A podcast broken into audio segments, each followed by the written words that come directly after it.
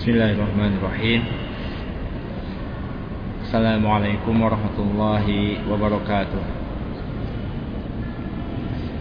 إن الحمد لله نحمده ونستعينه ونستغفره ونعوذ بالله من سرور أنفسنا ومن سيئات أعمالنا من يهد الله فلا مضل له ومن يضلل فلا هادي له.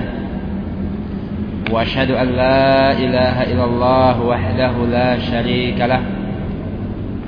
وأشهد أن محمدا عبده ورسوله. قال الله تعالى في كتابه الكريم يا أيها الذين آمنوا اتقوا الله حق تقاته. ولا تموتن إلا وأنتم مسلمون. يا أيها الناس اتقوا ربكم الذي خلقكم من نفس واحدة وخلق منها زوجها وبث منهما رجالا كثيرا ونساء واتقوا الله الذي تساءلون به والأرحام. إن الله كان عليكم رقيبا. يا أيها الذين آمنوا اتقوا الله وقولوا قولا سديدا. يصلح لكم أعمالكم ويغفر لكم ذنوبكم. ومن يطع الله ورسوله فقد فاز فوزا عظيما. أما بعد.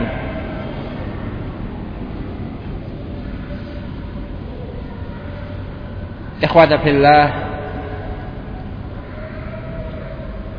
حفظكم الله وبارك الله فيكم. Insyaallah pada sore hari ini melanjutkan kajian kita dalam kitab Riyadhus Shalihin.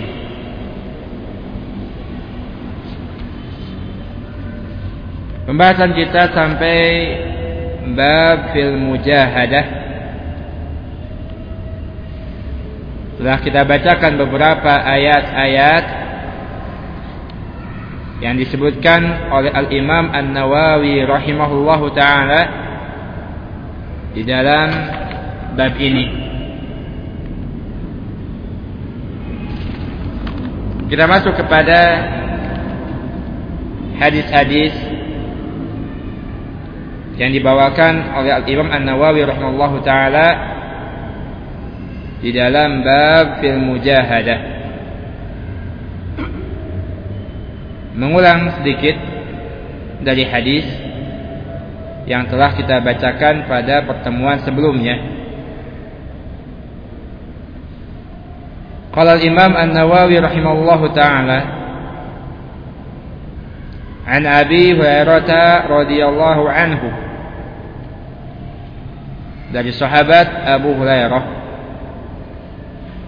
namanya Abdurrahman ibnu Sahar sahabat yang paling banyak meriwayatkan hadis dari Nabi sallallahu alaihi wasallam. Sahabat yang terkenal kesemangatannya di dalam menuntut ilmu dan kesederhanaan. Beliau salah satu di antara ashabus suffah sahabat yang tidur di pelataran Masjid Nabawi. Nah,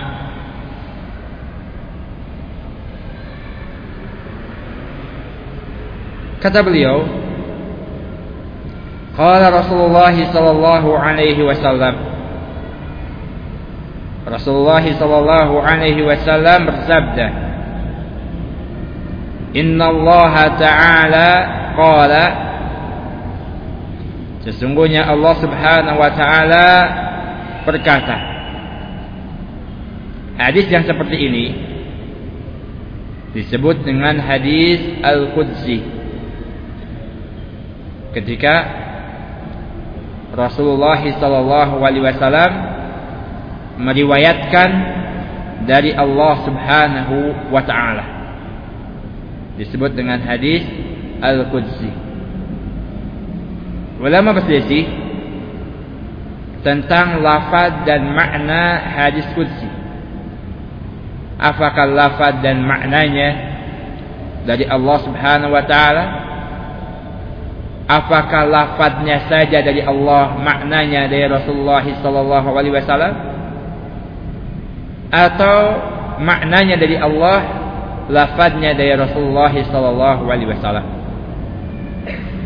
terjadi sedikit perbedaan di antara para ulama tentang hadis kursi ini yang jelas Rasulullah SAW meriwayatkan dari Allah Subhanahu wa taala. Hadis qudsi berbeda dengan Al-Qur'an. Kalau Al-Qur'an membacanya mendapatkan pahala. Satu huruf dilipat gandakan menjadi sepuluh kebaikan. Bahkan sampai lipatannya sangat banyak. Adapun hadis kursi tidak dilipat gandakan huruf-huruf yang dibaca dalam hadis kursi. Nah, kemudian di antara perbedaannya lain ya, Al-Quran semuanya sahih. Adapun hadis kursi Kadang-kadang ada yang doif periwayatannya. Nah, kalau Al-Quran semuanya sahih, tidak ada yang lemah satu ayat pun di dalam Al-Quran. Tapi hadis kutsi kadang-kadang didapati hadis kutsi tapi derajat hadisnya doif, lemah.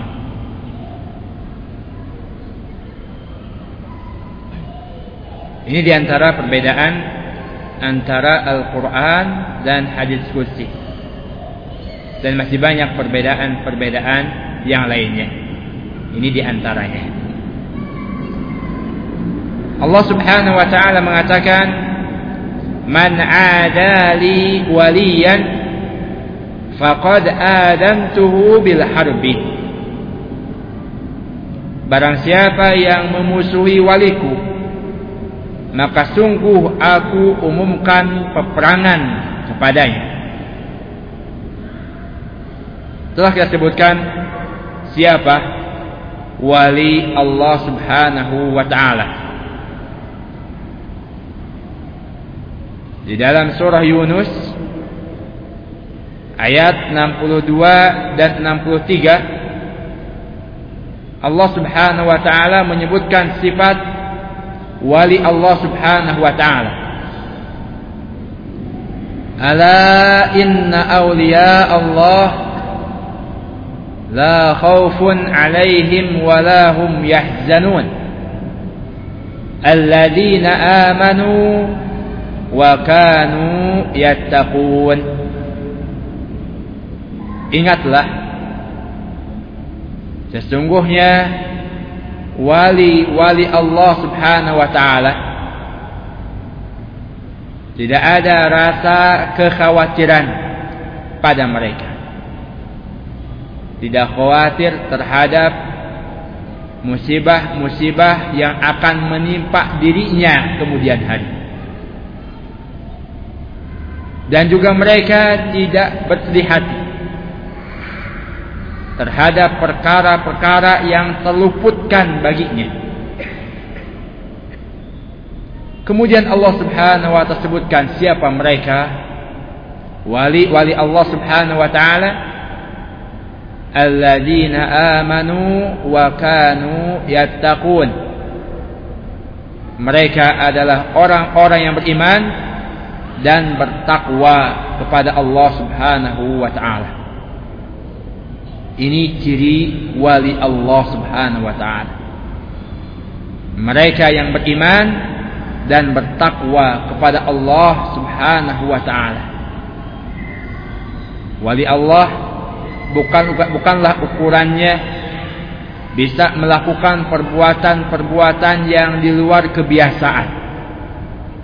Baik itu terbang atau berjalan di atas air atau kebiasaan-kebiasaan yang lainnya yang di luar kemampuan manusia biasa. Tapi ciri utama wali Allah mereka yang beriman dan bertakwa kepada Allah Subhanahu wa taala. Para nabi mereka adalah wali-wali Allah Subhanahu wa taala. Dikarenakan keimanan dan ketakwaan yang ada pada mereka. Begitu juga para sahabat. Mereka adalah wali-wali Allah Subhanahu wa taala. Begitu juga orang-orang yang mengikuti para sahabat dengan kebaikan baik dari kalangan tabi'in atau tabi'ut tabi'in atau yang lainnya. Para ulama mereka juga adalah wali-wali Allah Subhanahu wa taala. Dikarenakan mereka adalah orang-orang yang beriman dan juga bertakwa kepada Allah Subhanahu wa taala. Dan di dalam hadis kursi ini Allah Subhanahu wa taala memperingatkan orang yang memusuhi wali-wali Allah Subhanahu wa taala. Orang yang memusuhi para nabi orang yang memusuhi para sahabat atau orang yang memusuhi para ulama yang mereka istiqomah di atas al-haq. Nah, barang siapa yang memusuhi mereka, memusuhi wali-wali Allah Subhanahu wa taala, maka Allah umumkan peperangan kepadanya. Baik. Sehingga hendaknya kita mencintai wali-wali Allah Subhanahu wa taala. Bahkan kita mencintai wali-wali Allah termasuk ibadah. Sebagaimana Allah mencintai para walinya, kita pun harus mencintainya. Nah,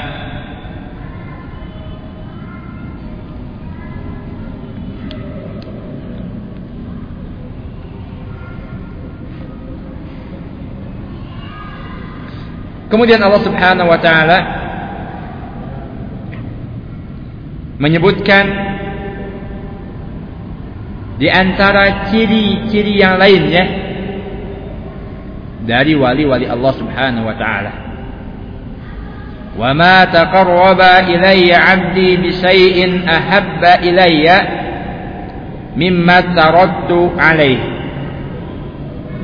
Tidaklah seorang hamba mendekatkan diri kepadaku dengan perkara yang paling aku cintai dari apa-apa yang aku wajibkan kepadanya. Ini diantara ciri wali Allah subhanahu wa ta'ala adalah orang yang senantiasa melaksanakan kewajiban.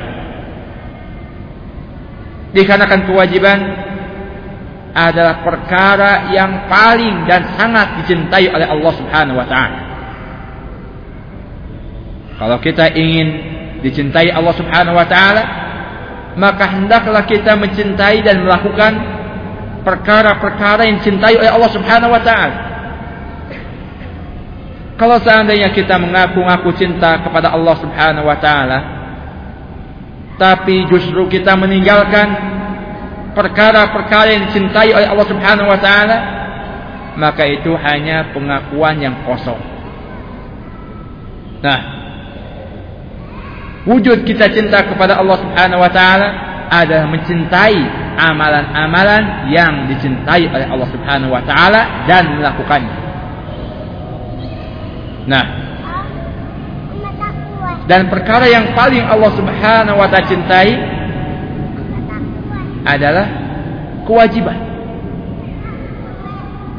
Sehingga kalau kita mengaku cinta kepada Allah, maka harus kita melakukan kewajiban-kewajiban kita sebagai seorang mukmin, sebagai seorang muslim.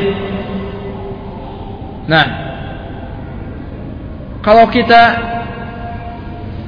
tidak melakukan kewajiban-kewajiban berarti kita tidak cinta atau kurang kecintaannya kepada Allah Subhanahu wa taala.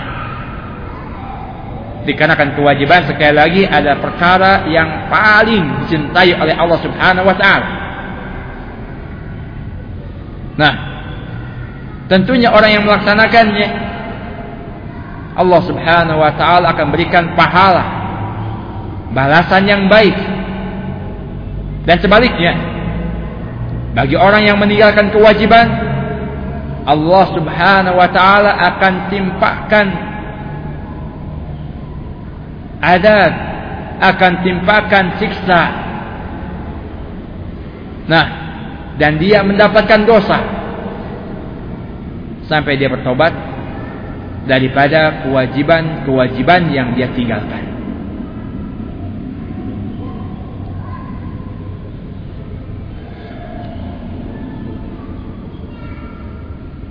Kemudian Allah Subhanahu wa taala menyebutkan lagi ciri-ciri yang lainnya dari ciri-ciri wali Allah Subhanahu wa taala. Wa ma yazalu 'abdi yataqarrabu ilayya bin nawafil hatta uhibbah. Hambaku senantiasa mendekatkan diri kepadaku dengan perkara-perkara yang sunnah sampai aku mencintainya. Nah, di samping melaksanakan kewajiban, dia pun bersemangat untuk melaksanakan perkara-perkara yang sunnah. Ini di antara ciri wali-wali Allah Subhanahu wa Ta'ala. Nah, semangat di dalam melaksanakan perkara-perkara yang sunnah. Kalau kewajiban sudah jelas. Nah, harus kita lakukan. Tapi ada juga sebagian orang yang salah di dalam penerapan di mana dia semangat dalam melaksanakan yang sunnah kemudian malas untuk melaksanakan kewajiban. Ini penerapan yang salah. Kenapa dikarenakan kewajiban lebih dicintai oleh Allah Subhanahu wa taala daripada perkara yang sunnah. Sehingga kalau kita sebutkan mending, mending orang yang melakukan kewajiban kemudian tidak melaksanakan yang sunnah daripada orang yang melaksanakan yang sunnah kemudian meninggalkan kewajiban. Nah, seseorang melaksanakan sunnah tidak mendapatkan dosa. Tapi ketika seseorang meninggalkan kewajiban, dia akan mendapatkan dosa. Tapi yang lebih utama daripada itu semuanya, yaitu orang yang melaksanakan kewajiban, kemudian juga semangat di dalam melaksanakan perkara-perkara yang sunnah. Nah, banyak fungsi daripada perkara-perkara yang sunnah yang kita lakukan. Di antaranya untuk menambal kewajiban-kewajiban kita yang kurang di dalam praktek pelaksanaannya. Salat kita masih banyak kekurangan. Khusyuknya yang kadang-kadang ada, kadang-kadang tidak ada atau gerakan-gerakannya yang kadang-kadang malas. Maka ini bisa disempurnakan dengan sholat-sholat sunnah yang kita lakukan. Ini antara keutamaannya. Nah dan juga dengan sholat-sholat sunnah yang kita lakukan ini pun bisa menghapuskan dosa-dosa kecil kita. Walaupun kita tidak bertobat kepada Allah subhanahu wa ta'ala dosa-dosa kecil akan hapus dengan amalan-amalan kebaikan yang kita lakukan. Adapun dosa-dosa besar mesti kita bertobat kepada Allah Subhanahu wa taala. Nah, sehingga kita sebutkan tadi jangan sampai salah dalam penerapan semangat dalam melaksanakan yang sunnah kemudian malas dalam melaksanakan kewajiban. Seseorang semangat dalam melaksanakan qiyamul lail. Tiap malam dia qiyamul lail, tapi malas melaksanakan sholat subuh. Malas melaksanakan sholat lima waktu. Ini kesalahan. Nah, atau seseorang semangat melaksanakan sholat tarawih berjamaah, tapi dia malas untuk melaksanakan sholat subuh berjamaah, sholat duhur, sholat asar, sholat maghrib, sholat isya berjamaah. Dia malas melakukannya. Ini suatu kesalahan. Atau seseorang dia semangat untuk infak, sodakoh bagi orang lain. Sementara anak istrinya tidak diberikan nafkah yang cukup. Sementara anak dan istrinya telantar. Kelaparan, kehujanan, dan sengsara. Nah, ini sikap yang salah. Kenapa? Dikarenakan kalau diberikan dua pilihan antara perkara yang wajib dan yang sunnah, dan kita harus memilih Salah satu di antara keduanya tentunya kita harus mendahulukan kewajiban daripada perkara yang sunnah. Kenapa? Dikarenakan kewajiban lebih dicintai oleh Allah Subhanahu wa taala daripada yang sunnah. Kemudian dikarenakan kewajiban kalau kita meninggalkannya kita mendapatkan dosa. Sementara yang sunnah kita meninggalkan kita tidak mendapatkan dosa. Ini kalau dihadapkan dengan dua pilihan. Dan harus memilih salah satu di antara keduanya. Maka pilih yang wajib. Tapi kalau bisa kedua-duanya, ini lebih utama, lebih afdal. Di samping melakukan kewajiban, dia pun bisa melakukan perkara-perkara yang sunnah. Allah Subhanahu wa taala menyebutkan dalam hadis tadi, hambanya yang mendekatkan diri kepada Allah Subhanahu wa taala dengan perkara-perkara yang wajib yang merupakan perkara yang paling cintai oleh Allah Subhanahu wa taala. Kemudian senantiasa semangat melakukan perkara-perkara yang sunnah sehingga Allah Subhanahu wa taala mencintainya. Nah ini di antara sebab-sebab datangnya kecintaan Allah Subhanahu wa taala. Kita melaksanakan kewajiban-kewajiban kemudian juga ditambah dan semangat dalam melaksanakan perkara-perkara yang sunnah. Teh. Banyak orang yang mengaku-ngaku cinta kepada Allah Subhanahu wa taala. Tapi pernyataan Allah cinta kepada seseorang ini hanya kepada orang-orang tertentu saja. Nah, di antaranya para sahabat ridwanullah alaihim ajmain Allah Subhanahu wa taala mencintai mereka. Begitu juga kepada para anbiya, para nabi Allah Subhanahu wa taala mencintai mereka. Dikarenakan yang jadi patokan itu Allah cinta kepada kita. Adapun pengakuan kita cinta kepada Allah, cinta kepada Allah, belum tentu Allah mencintai kita. Nah, dikarenakan tadi pengakuan itu harus ada bukti. Harus ada bukti sehingga dinyatakan benar di dalam pengakuan yang kita sebutkan. Deh. Sehingga barang siapa yang ingin cintai oleh Allah Subhanahu wa taala, amalkan hadis yang kita bacakan tadi. Melaksanakan kewajiban kemudian juga semangat di dalam melaksanakan perkara-perkara yang sunnah sehingga Allah Subhanahu wa taala mencintainya.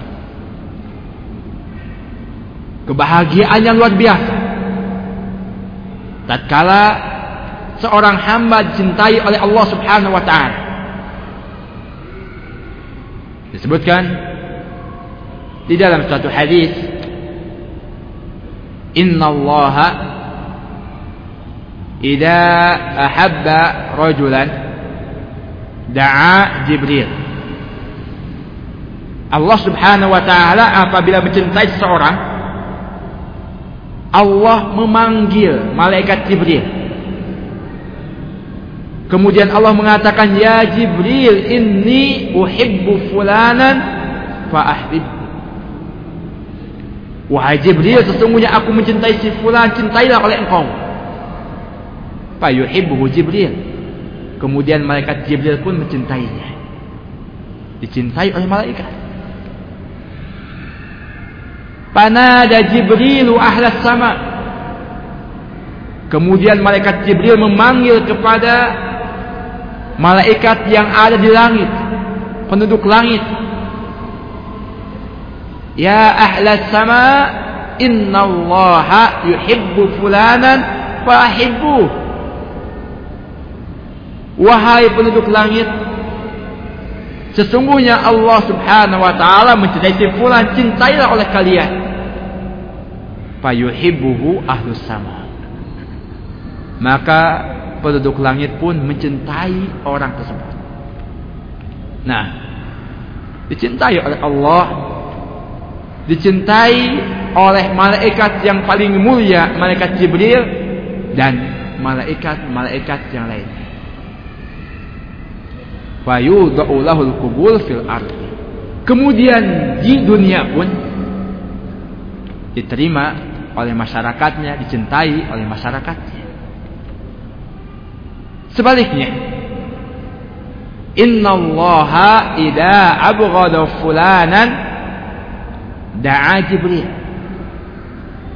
Apabila Allah Subhanahu wa taala membenci seseorang, Allah memanggil malaikat Jibril. Kemudian Allah mengatakan, "Ya Jibril, inni ubghidu fulanan." Fabghidhu. Wahai Jibril, sesungguhnya aku benci kepada si fulan. Bencilah oleh engkau. Nah, tentunya kalau seseorang sudah dibenci oleh Allah Subhanahu wa taala, Allah tidak akan menjaganya. Dia akan mendapatkan kecelakaan, kebinasaan baik dunia ataupun di akhirat. Sehingga hati-hati. Jangan sampai kita melakukan perkara-perkara yang mendatangkan kemurkaan dan kebencian Allah Subhanahu wa taala. Nah, kemudian malaikat Jibril memanggil penduduk langit dan mengatakan sesungguhnya Allah Subhanahu wa taala membenci si fulan, bencilah oleh kalian sehingga penduduk langit pun membenci orang tersebut dan di dunia pun dibenci oleh orang-orang. Nah,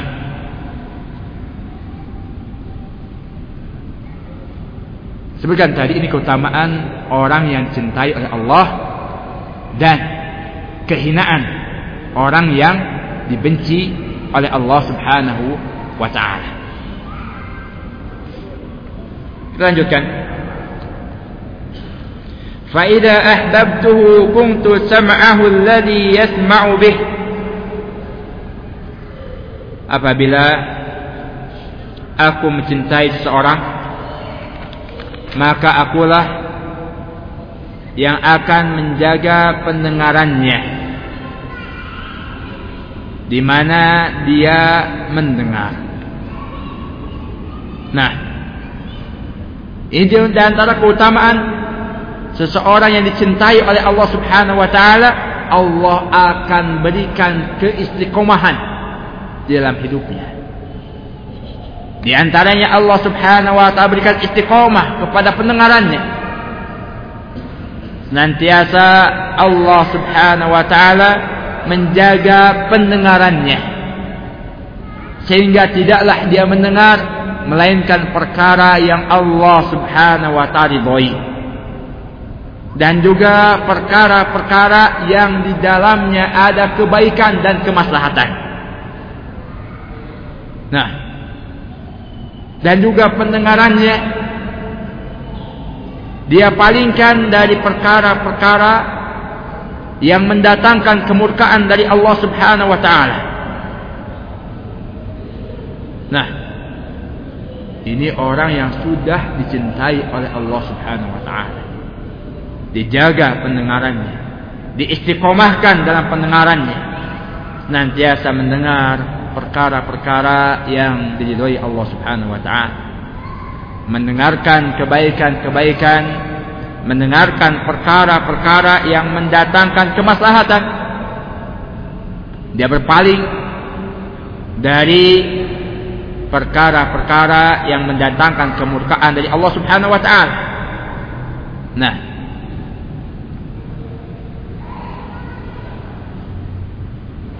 ketika mendengar ucapan yang sia-sia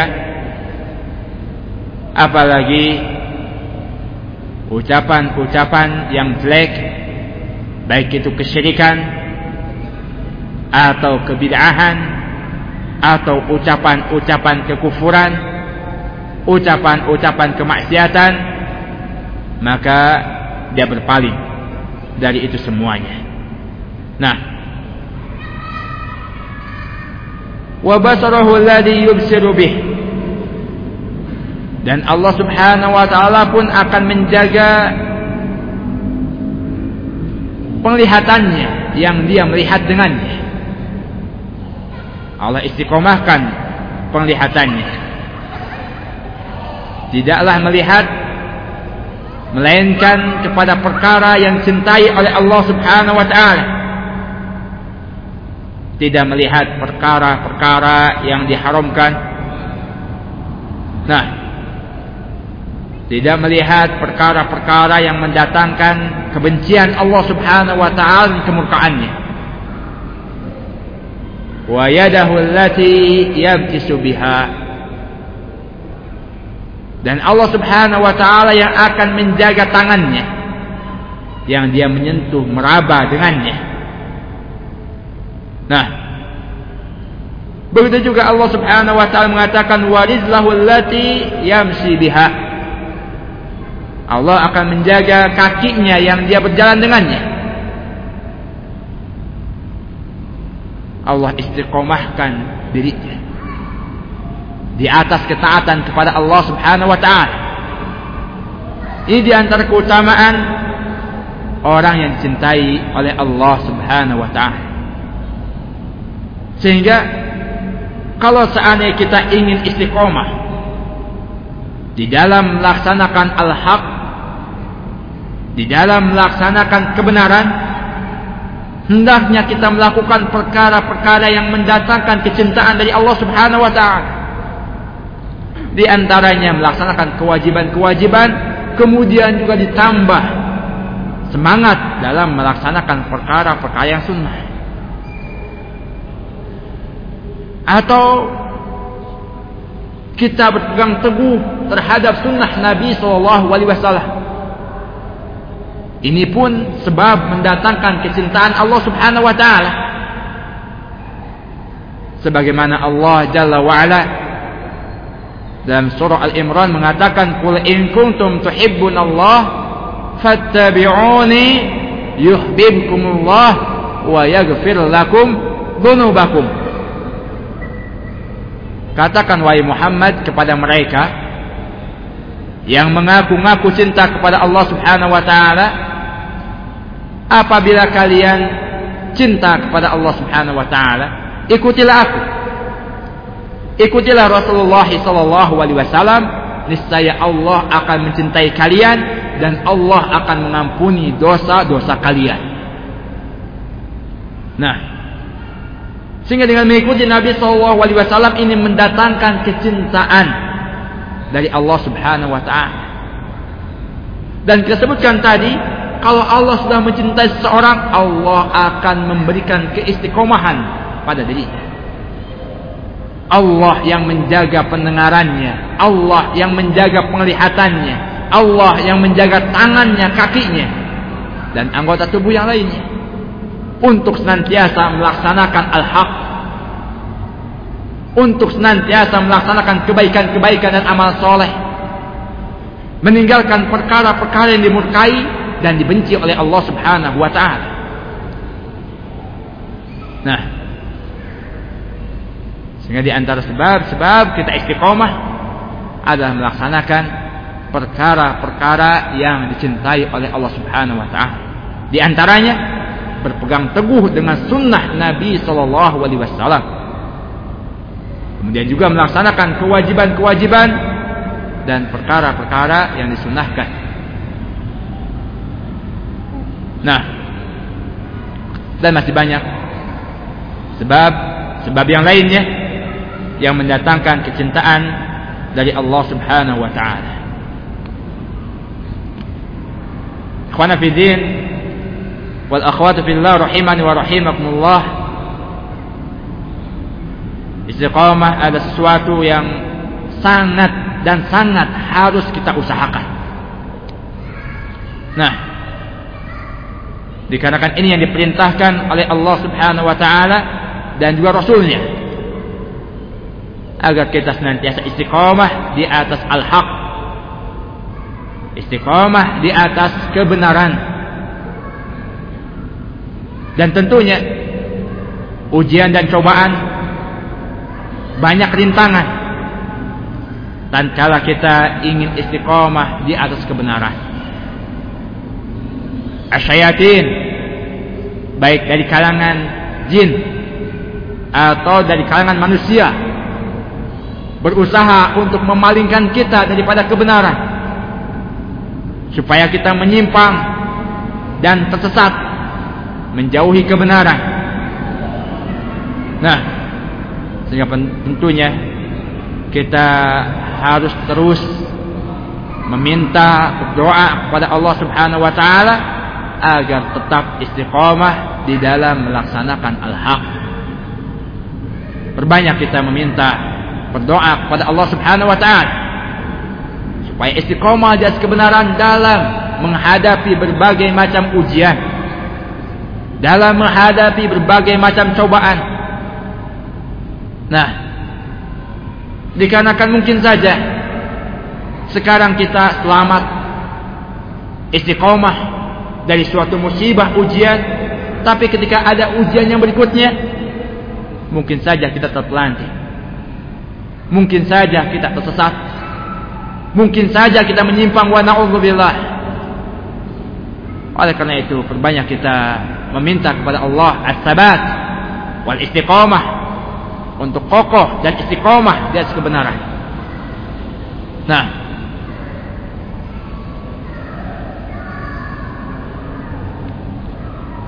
kemudian Allah Subhanahu wa taala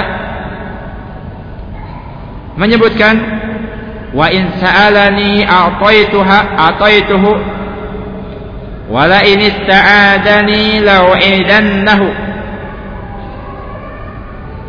Kalau seandainya dia meminta kepadaku, aku akan memberikannya. Ini keutamaan yang berikutnya. Keutamaan orang yang dicintai oleh Allah Subhanahu wa taala. Ketika meminta kepada Allah Subhanahu wa taala, Allah akan berikan. Ketika dia berdoa kepada Allah Subhanahu wa taala, Allah akan mengabulkannya. Wala in ista'adani lau'idannahu. Dan apabila dia meminta perlindungan kepadaku kata Allah sungguh aku akan melindunginya. Nah kebahagiaan ketika seorang dicintai oleh Allah Subhanahu wa taala kebaikan demi kebaikan akan dia dapatkan baik dalam kehidupannya di dunia atau dalam kehidupannya kelak di akhirat. Maka di antara faedah hadis yang kita bacakan ini menunjukkan tentang keutamaan wali-wali Allah Subhanahu wa taala. Allah mencintai mereka. Bahkan Allah Subhanahu wa taala memusuhi orang-orang yang memusuhi wali-wali Allah Subhanahu wa taala.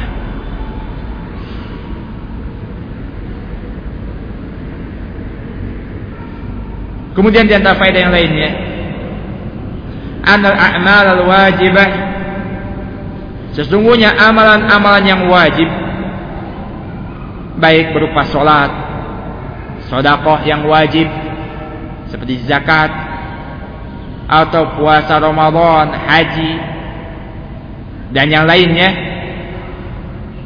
Ini merupakan amalan-amalan yang paling afdal. Nah, dibandingkan perkara-perkara yang sunnah, dikarenakan kewajiban lebih dicintai oleh Allah daripada perkara-perkara yang sunnah. Faedah yang lainnya, isbatul mahabbati lillahi azza wa jalla. Ditetapkannya sifat cinta bagi Allah Subhanahu wa taala. Allah mencintai hamba-hambanya yang Allah kehendaki. Tapi jangan sampai kita menyamakan antara kecintaan Allah dengan kecintaan makhluk. Kamitslihi syai'u wa huwa as-sami'ul basir.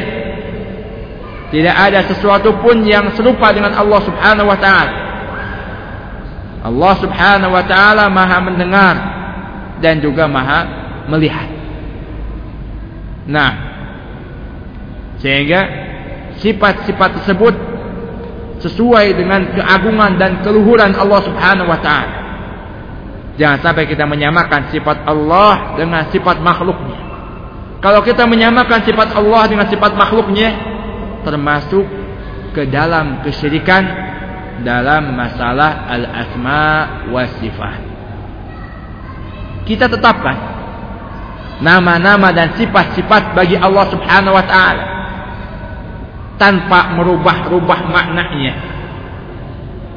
Tanpa mempertanyakan bagaimananya.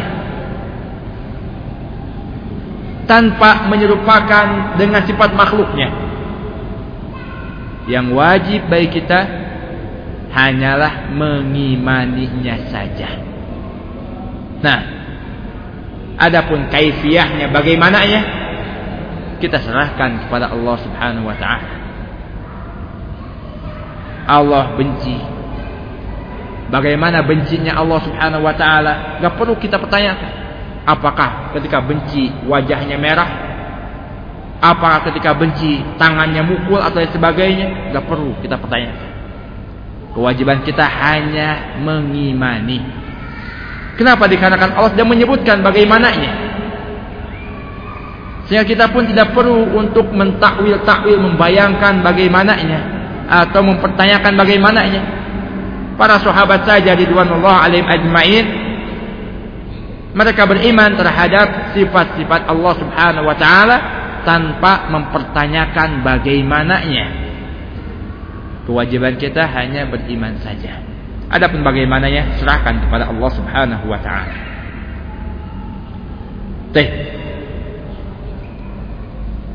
Di antara faedah yang lainnya,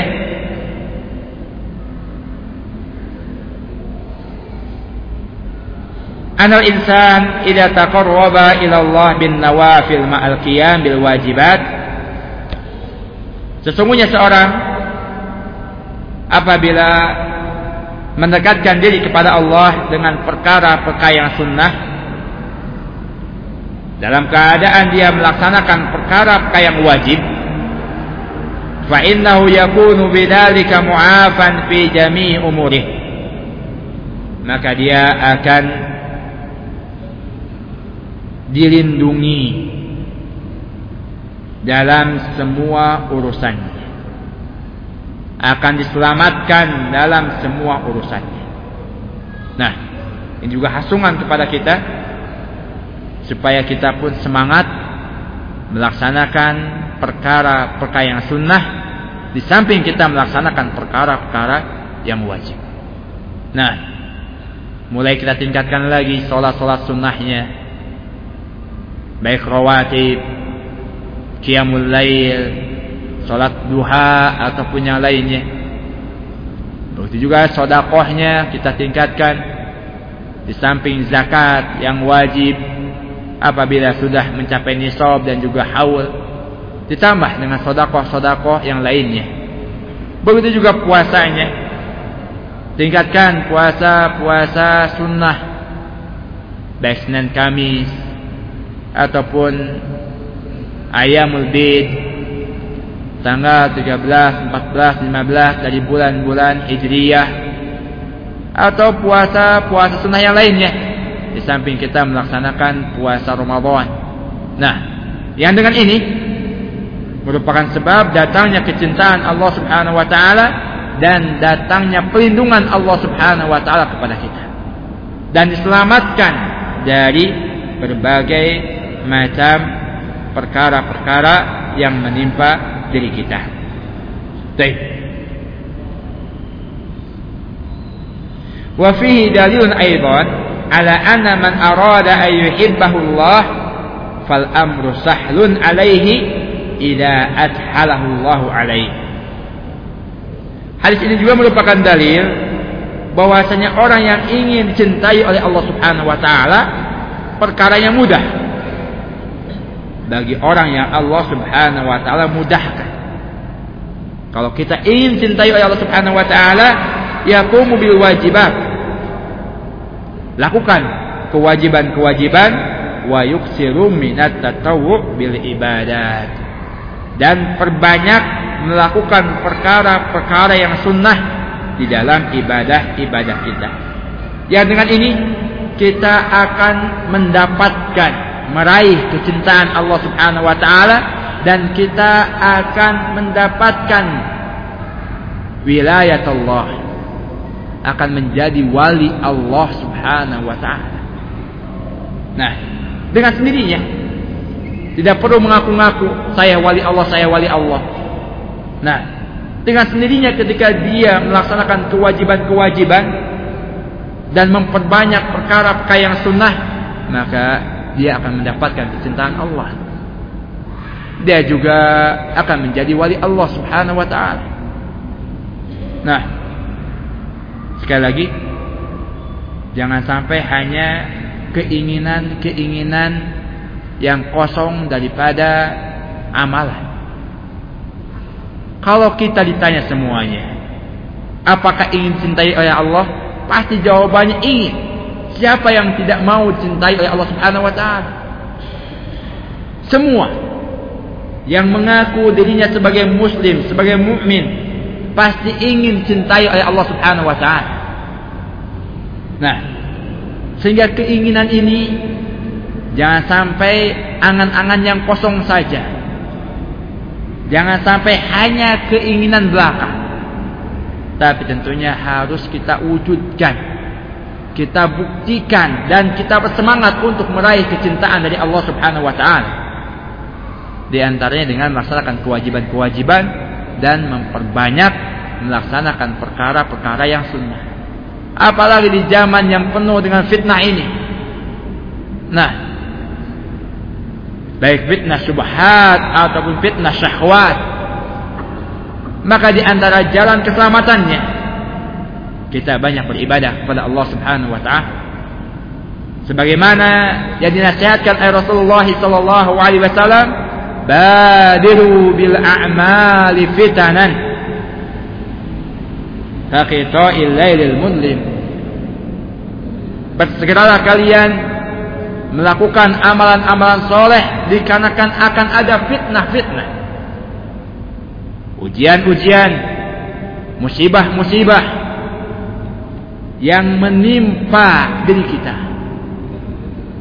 baik fitnah yang berkaitan dengan syahwat atau fitnah yang berkaitan dengan syubhat nah di antara jalan keluarnya untuk menyelamatkan diri kita daripada fitnah-fitnah tersebut adalah memperbanyak amalan soleh. Nah, dan juga dengan cara-cara yang lainnya. Nah, dengan cara menuntut ilmu dari sumber yang jelas. Kemudian juga bersama orang-orang yang soleh, orang-orang yang kokoh di dalam memegang Al-Quran dan As-Sunnah dengan pemahaman yang benar dan juga meminta bimbingan kepada para ulama kibar, ulama-ulama besar. Ini juga di antara jalan-jalan menyelamatkan diri kita dari fitnah. Nah, baik fitnah syahwat apalagi fitnah syubhat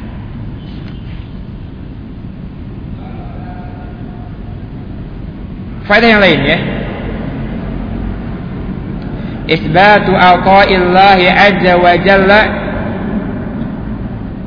wa ijabatu da'watihi liwaliyih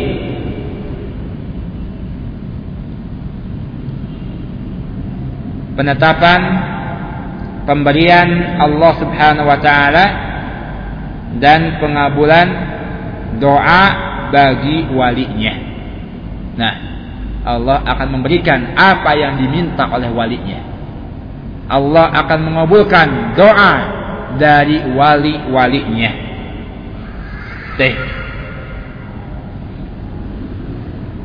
Al-Imam An-Nawawi rahimallahu taala membawakan hadis ini ke dalam bab al-mujahadah bab sungguh-sungguh bab jihad.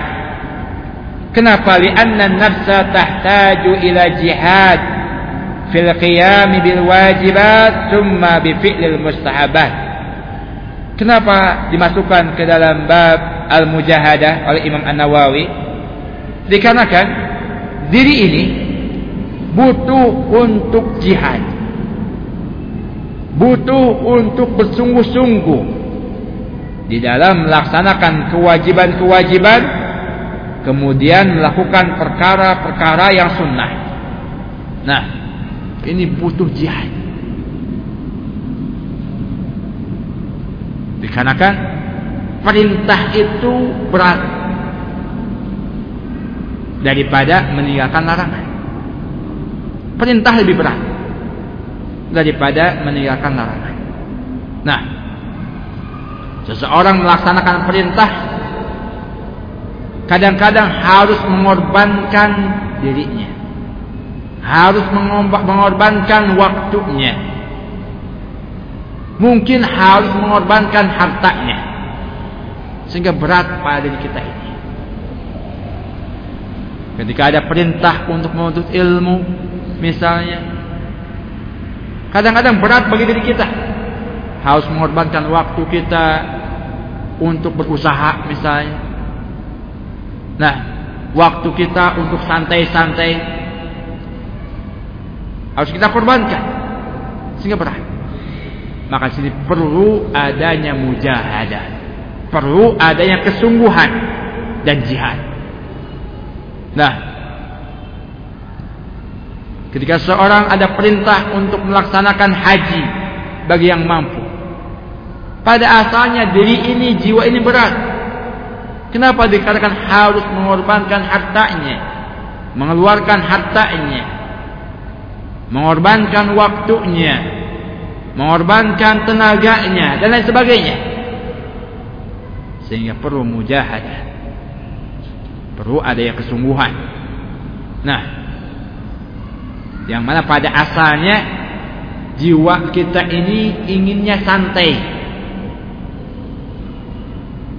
Jiwa kita ini pada asalnya memerintahkan kepada perkara-perkara yang jelek. Nah, maka ketika kita ingin melakukan kewajiban, kita harus bersungguh-sungguh berperang melawan nafsu yang pada asalnya memerintahkan kepada kejelekan.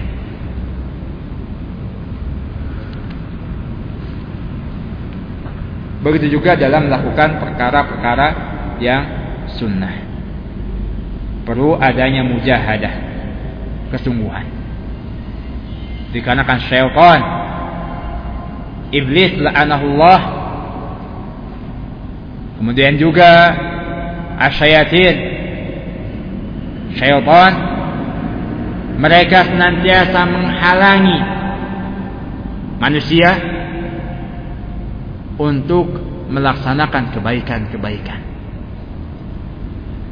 Ketika seseorang ingin melaksanakan kebaikan, pasti di sana ada syaitan yang senantiasa menghalang-halanginya supaya tidak melaksanakan kebaikan tersebut. Kebaikan sekecil apa pun, asyaitan terus menghalang-halangi manusia supaya tidak melaksanakan. Nah, kalau dia terus melaksanakannya, syaitan mengganggu lagi supaya tidak ikhlas dalam melaksanakannya dan terus menerus. Tidak henti-hentinya tidak bosan-bosannya. Mengganggu manusia. Nah sebagaimana janji iblis la'anahullah kepada Allah Subhanahu wa taala Fabima agwaitani la'akudanna lahum siratakal mustaqim.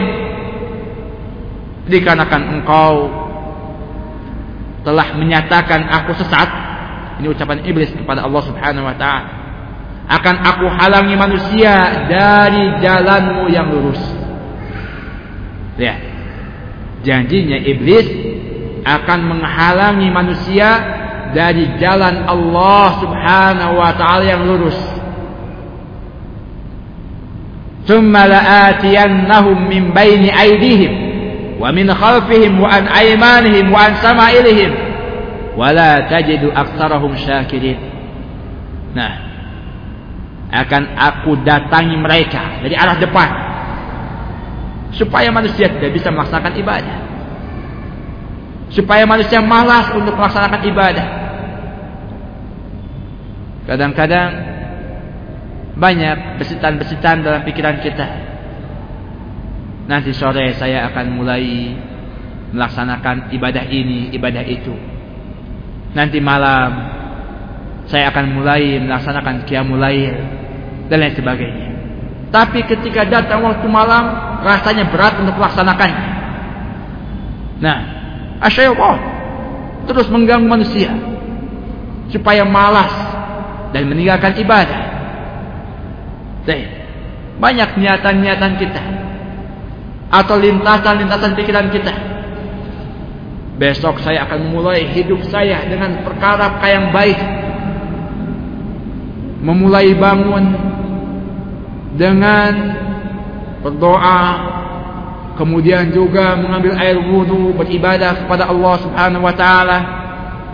Kemudian berzikir, kemudian thalabul ilmi, membaca Al-Qur'an dan sebagainya terlintas dalam pikiran kita. Tapi ketika sudah sampai kepada apa yang kita inginkan tadi, nah, syaitan mengganggu sehingga kita malas untuk melakukannya. Sehingga akhirnya nanti, nanti, nanti, nanti besok saja, datang besok, nanti besok lagi, datang besok lagi, nanti rusak, nanti, nanti. Ini syaitan terus. Nah, maka di antara tipu daya syaitan adalah dengan mengakhir-akhirkan amalan. Disebutkan oleh para ulama inna saufa jundun min junudi iblis. Sesungguhnya saufa menanti-nantikan amalan ini di antara tentara-tentara iblis yang menyerang manusia. Nah, menanti-nantikan amal. Nanti saja esok. Datang esok nanti saja. Sore hari. Datang sore nanti pagi. Datang pagi nanti sore. Terus demikian. Nah. Besar godaannya. Tatkala kita hendak melaksanakan kewajiban-kewajiban atau melaksanakan perkara-perkara yang sunnah. Banyak cobaan. Syaitan terus mengganggu Kalau seandainya kita terus melakukannya ketika dihadang oleh syaitan, kita ingin melaksanakan suatu amalan dihadang oleh syaitan, tapi kita terus melakukannya mengganggu lagi dari arah yang lain. Dibisikkan di antaranya supaya ibadah yang kita lakukan ini ingin dipuji orang lain. Nah, supaya ingin disanjung orang lain. Nah, ketika syaitan menghadang kita, jangan ibadah ini, jangan ibadah itu, kita terus maju. Syaitan tadi sayang lain. Nah, supaya ibadah kita itu diterima oleh Allah Subhanahu wa taala di antara tadi membisikkan supaya kita melakukannya untuk dipuji, disanjung orang lain.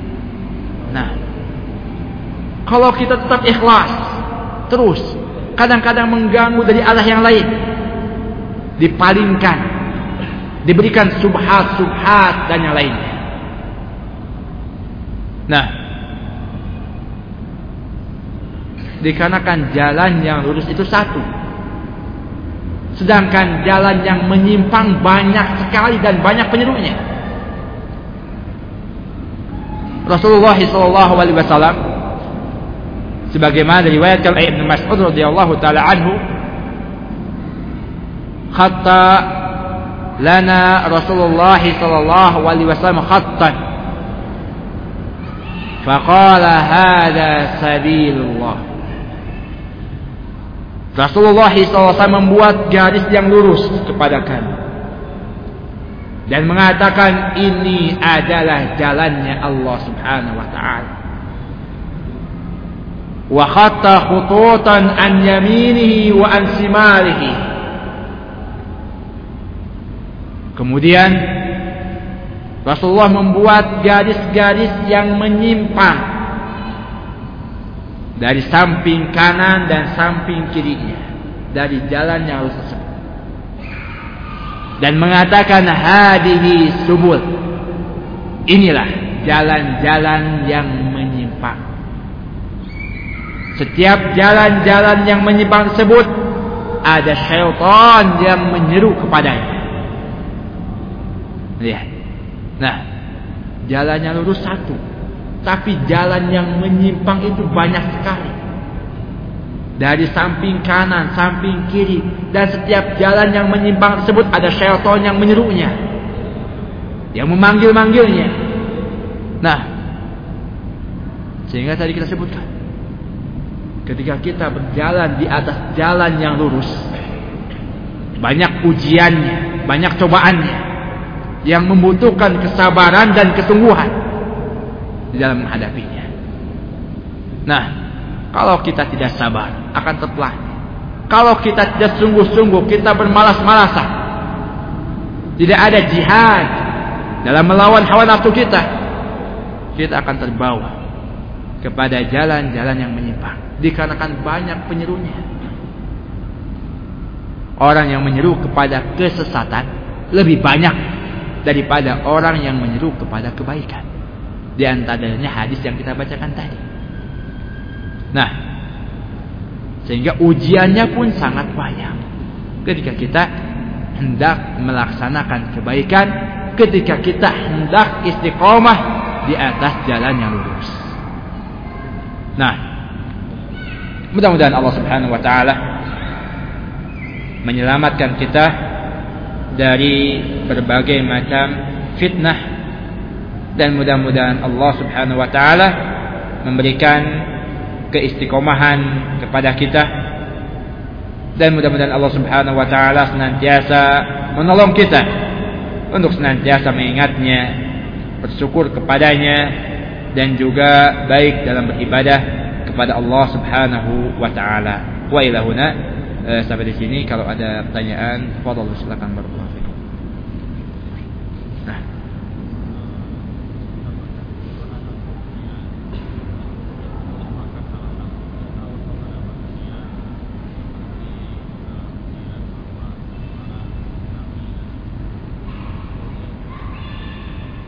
Nah, dalam satu hadis dikatakan Inna allaha idha ahabba qawman ibtalahu. Pertanyaan apakah ujian dan cobaan ini merupakan salah satu bentuk cinta Allah kepada hambanya? Jawabannya dalam satu hadis Rasulullah sallallahu alaihi wasallam mengatakan apabila Allah mencintai suatu kaum Allah akan mengujinya. Nah, Faman radiya falahu ridha wa man sakhita falahu syuhd. Barang siapa yang ridha, sabar dengan ujian tersebut, maka Allah pun akan meridhoinya. Dan barang siapa yang murka, Allah pun akan memurkainya. Nah, di antara kecintaan Allah kepada suatu kaum, Allah berikan ujian yang dengan ujian tersebut akan terlihat. Nah, apakah dia istiqomah atau dia murka berpaling dari Allah Subhanahu wa taala.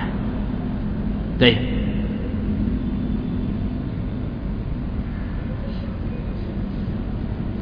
Paham ya? Jadi merupakan salah satu bentuk kecintaan Allah Subhanahu wa taala kepada hambanya. Allah akan menguji. Nah, dan ujian ini pasti menimpa setiap orang. Pasti menimpa setiap orang.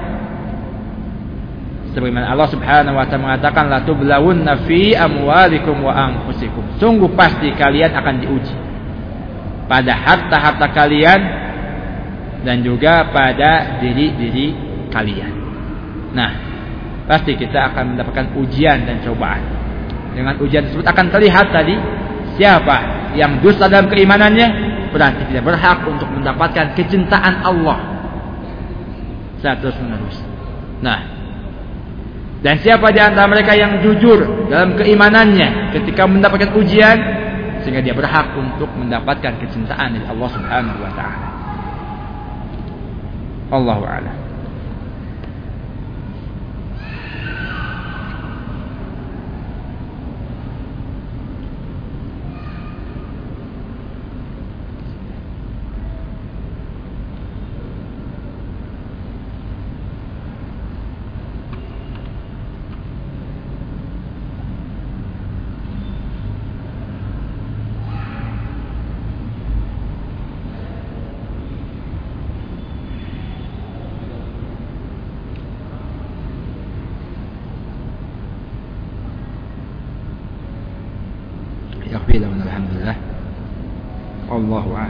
الصواب سبحانك وبحمدك أشهد أن لا إله إلا أنت أستغفرك وأتوب إليك. السلام عليكم ورحمة الله وبركاته. تفضل.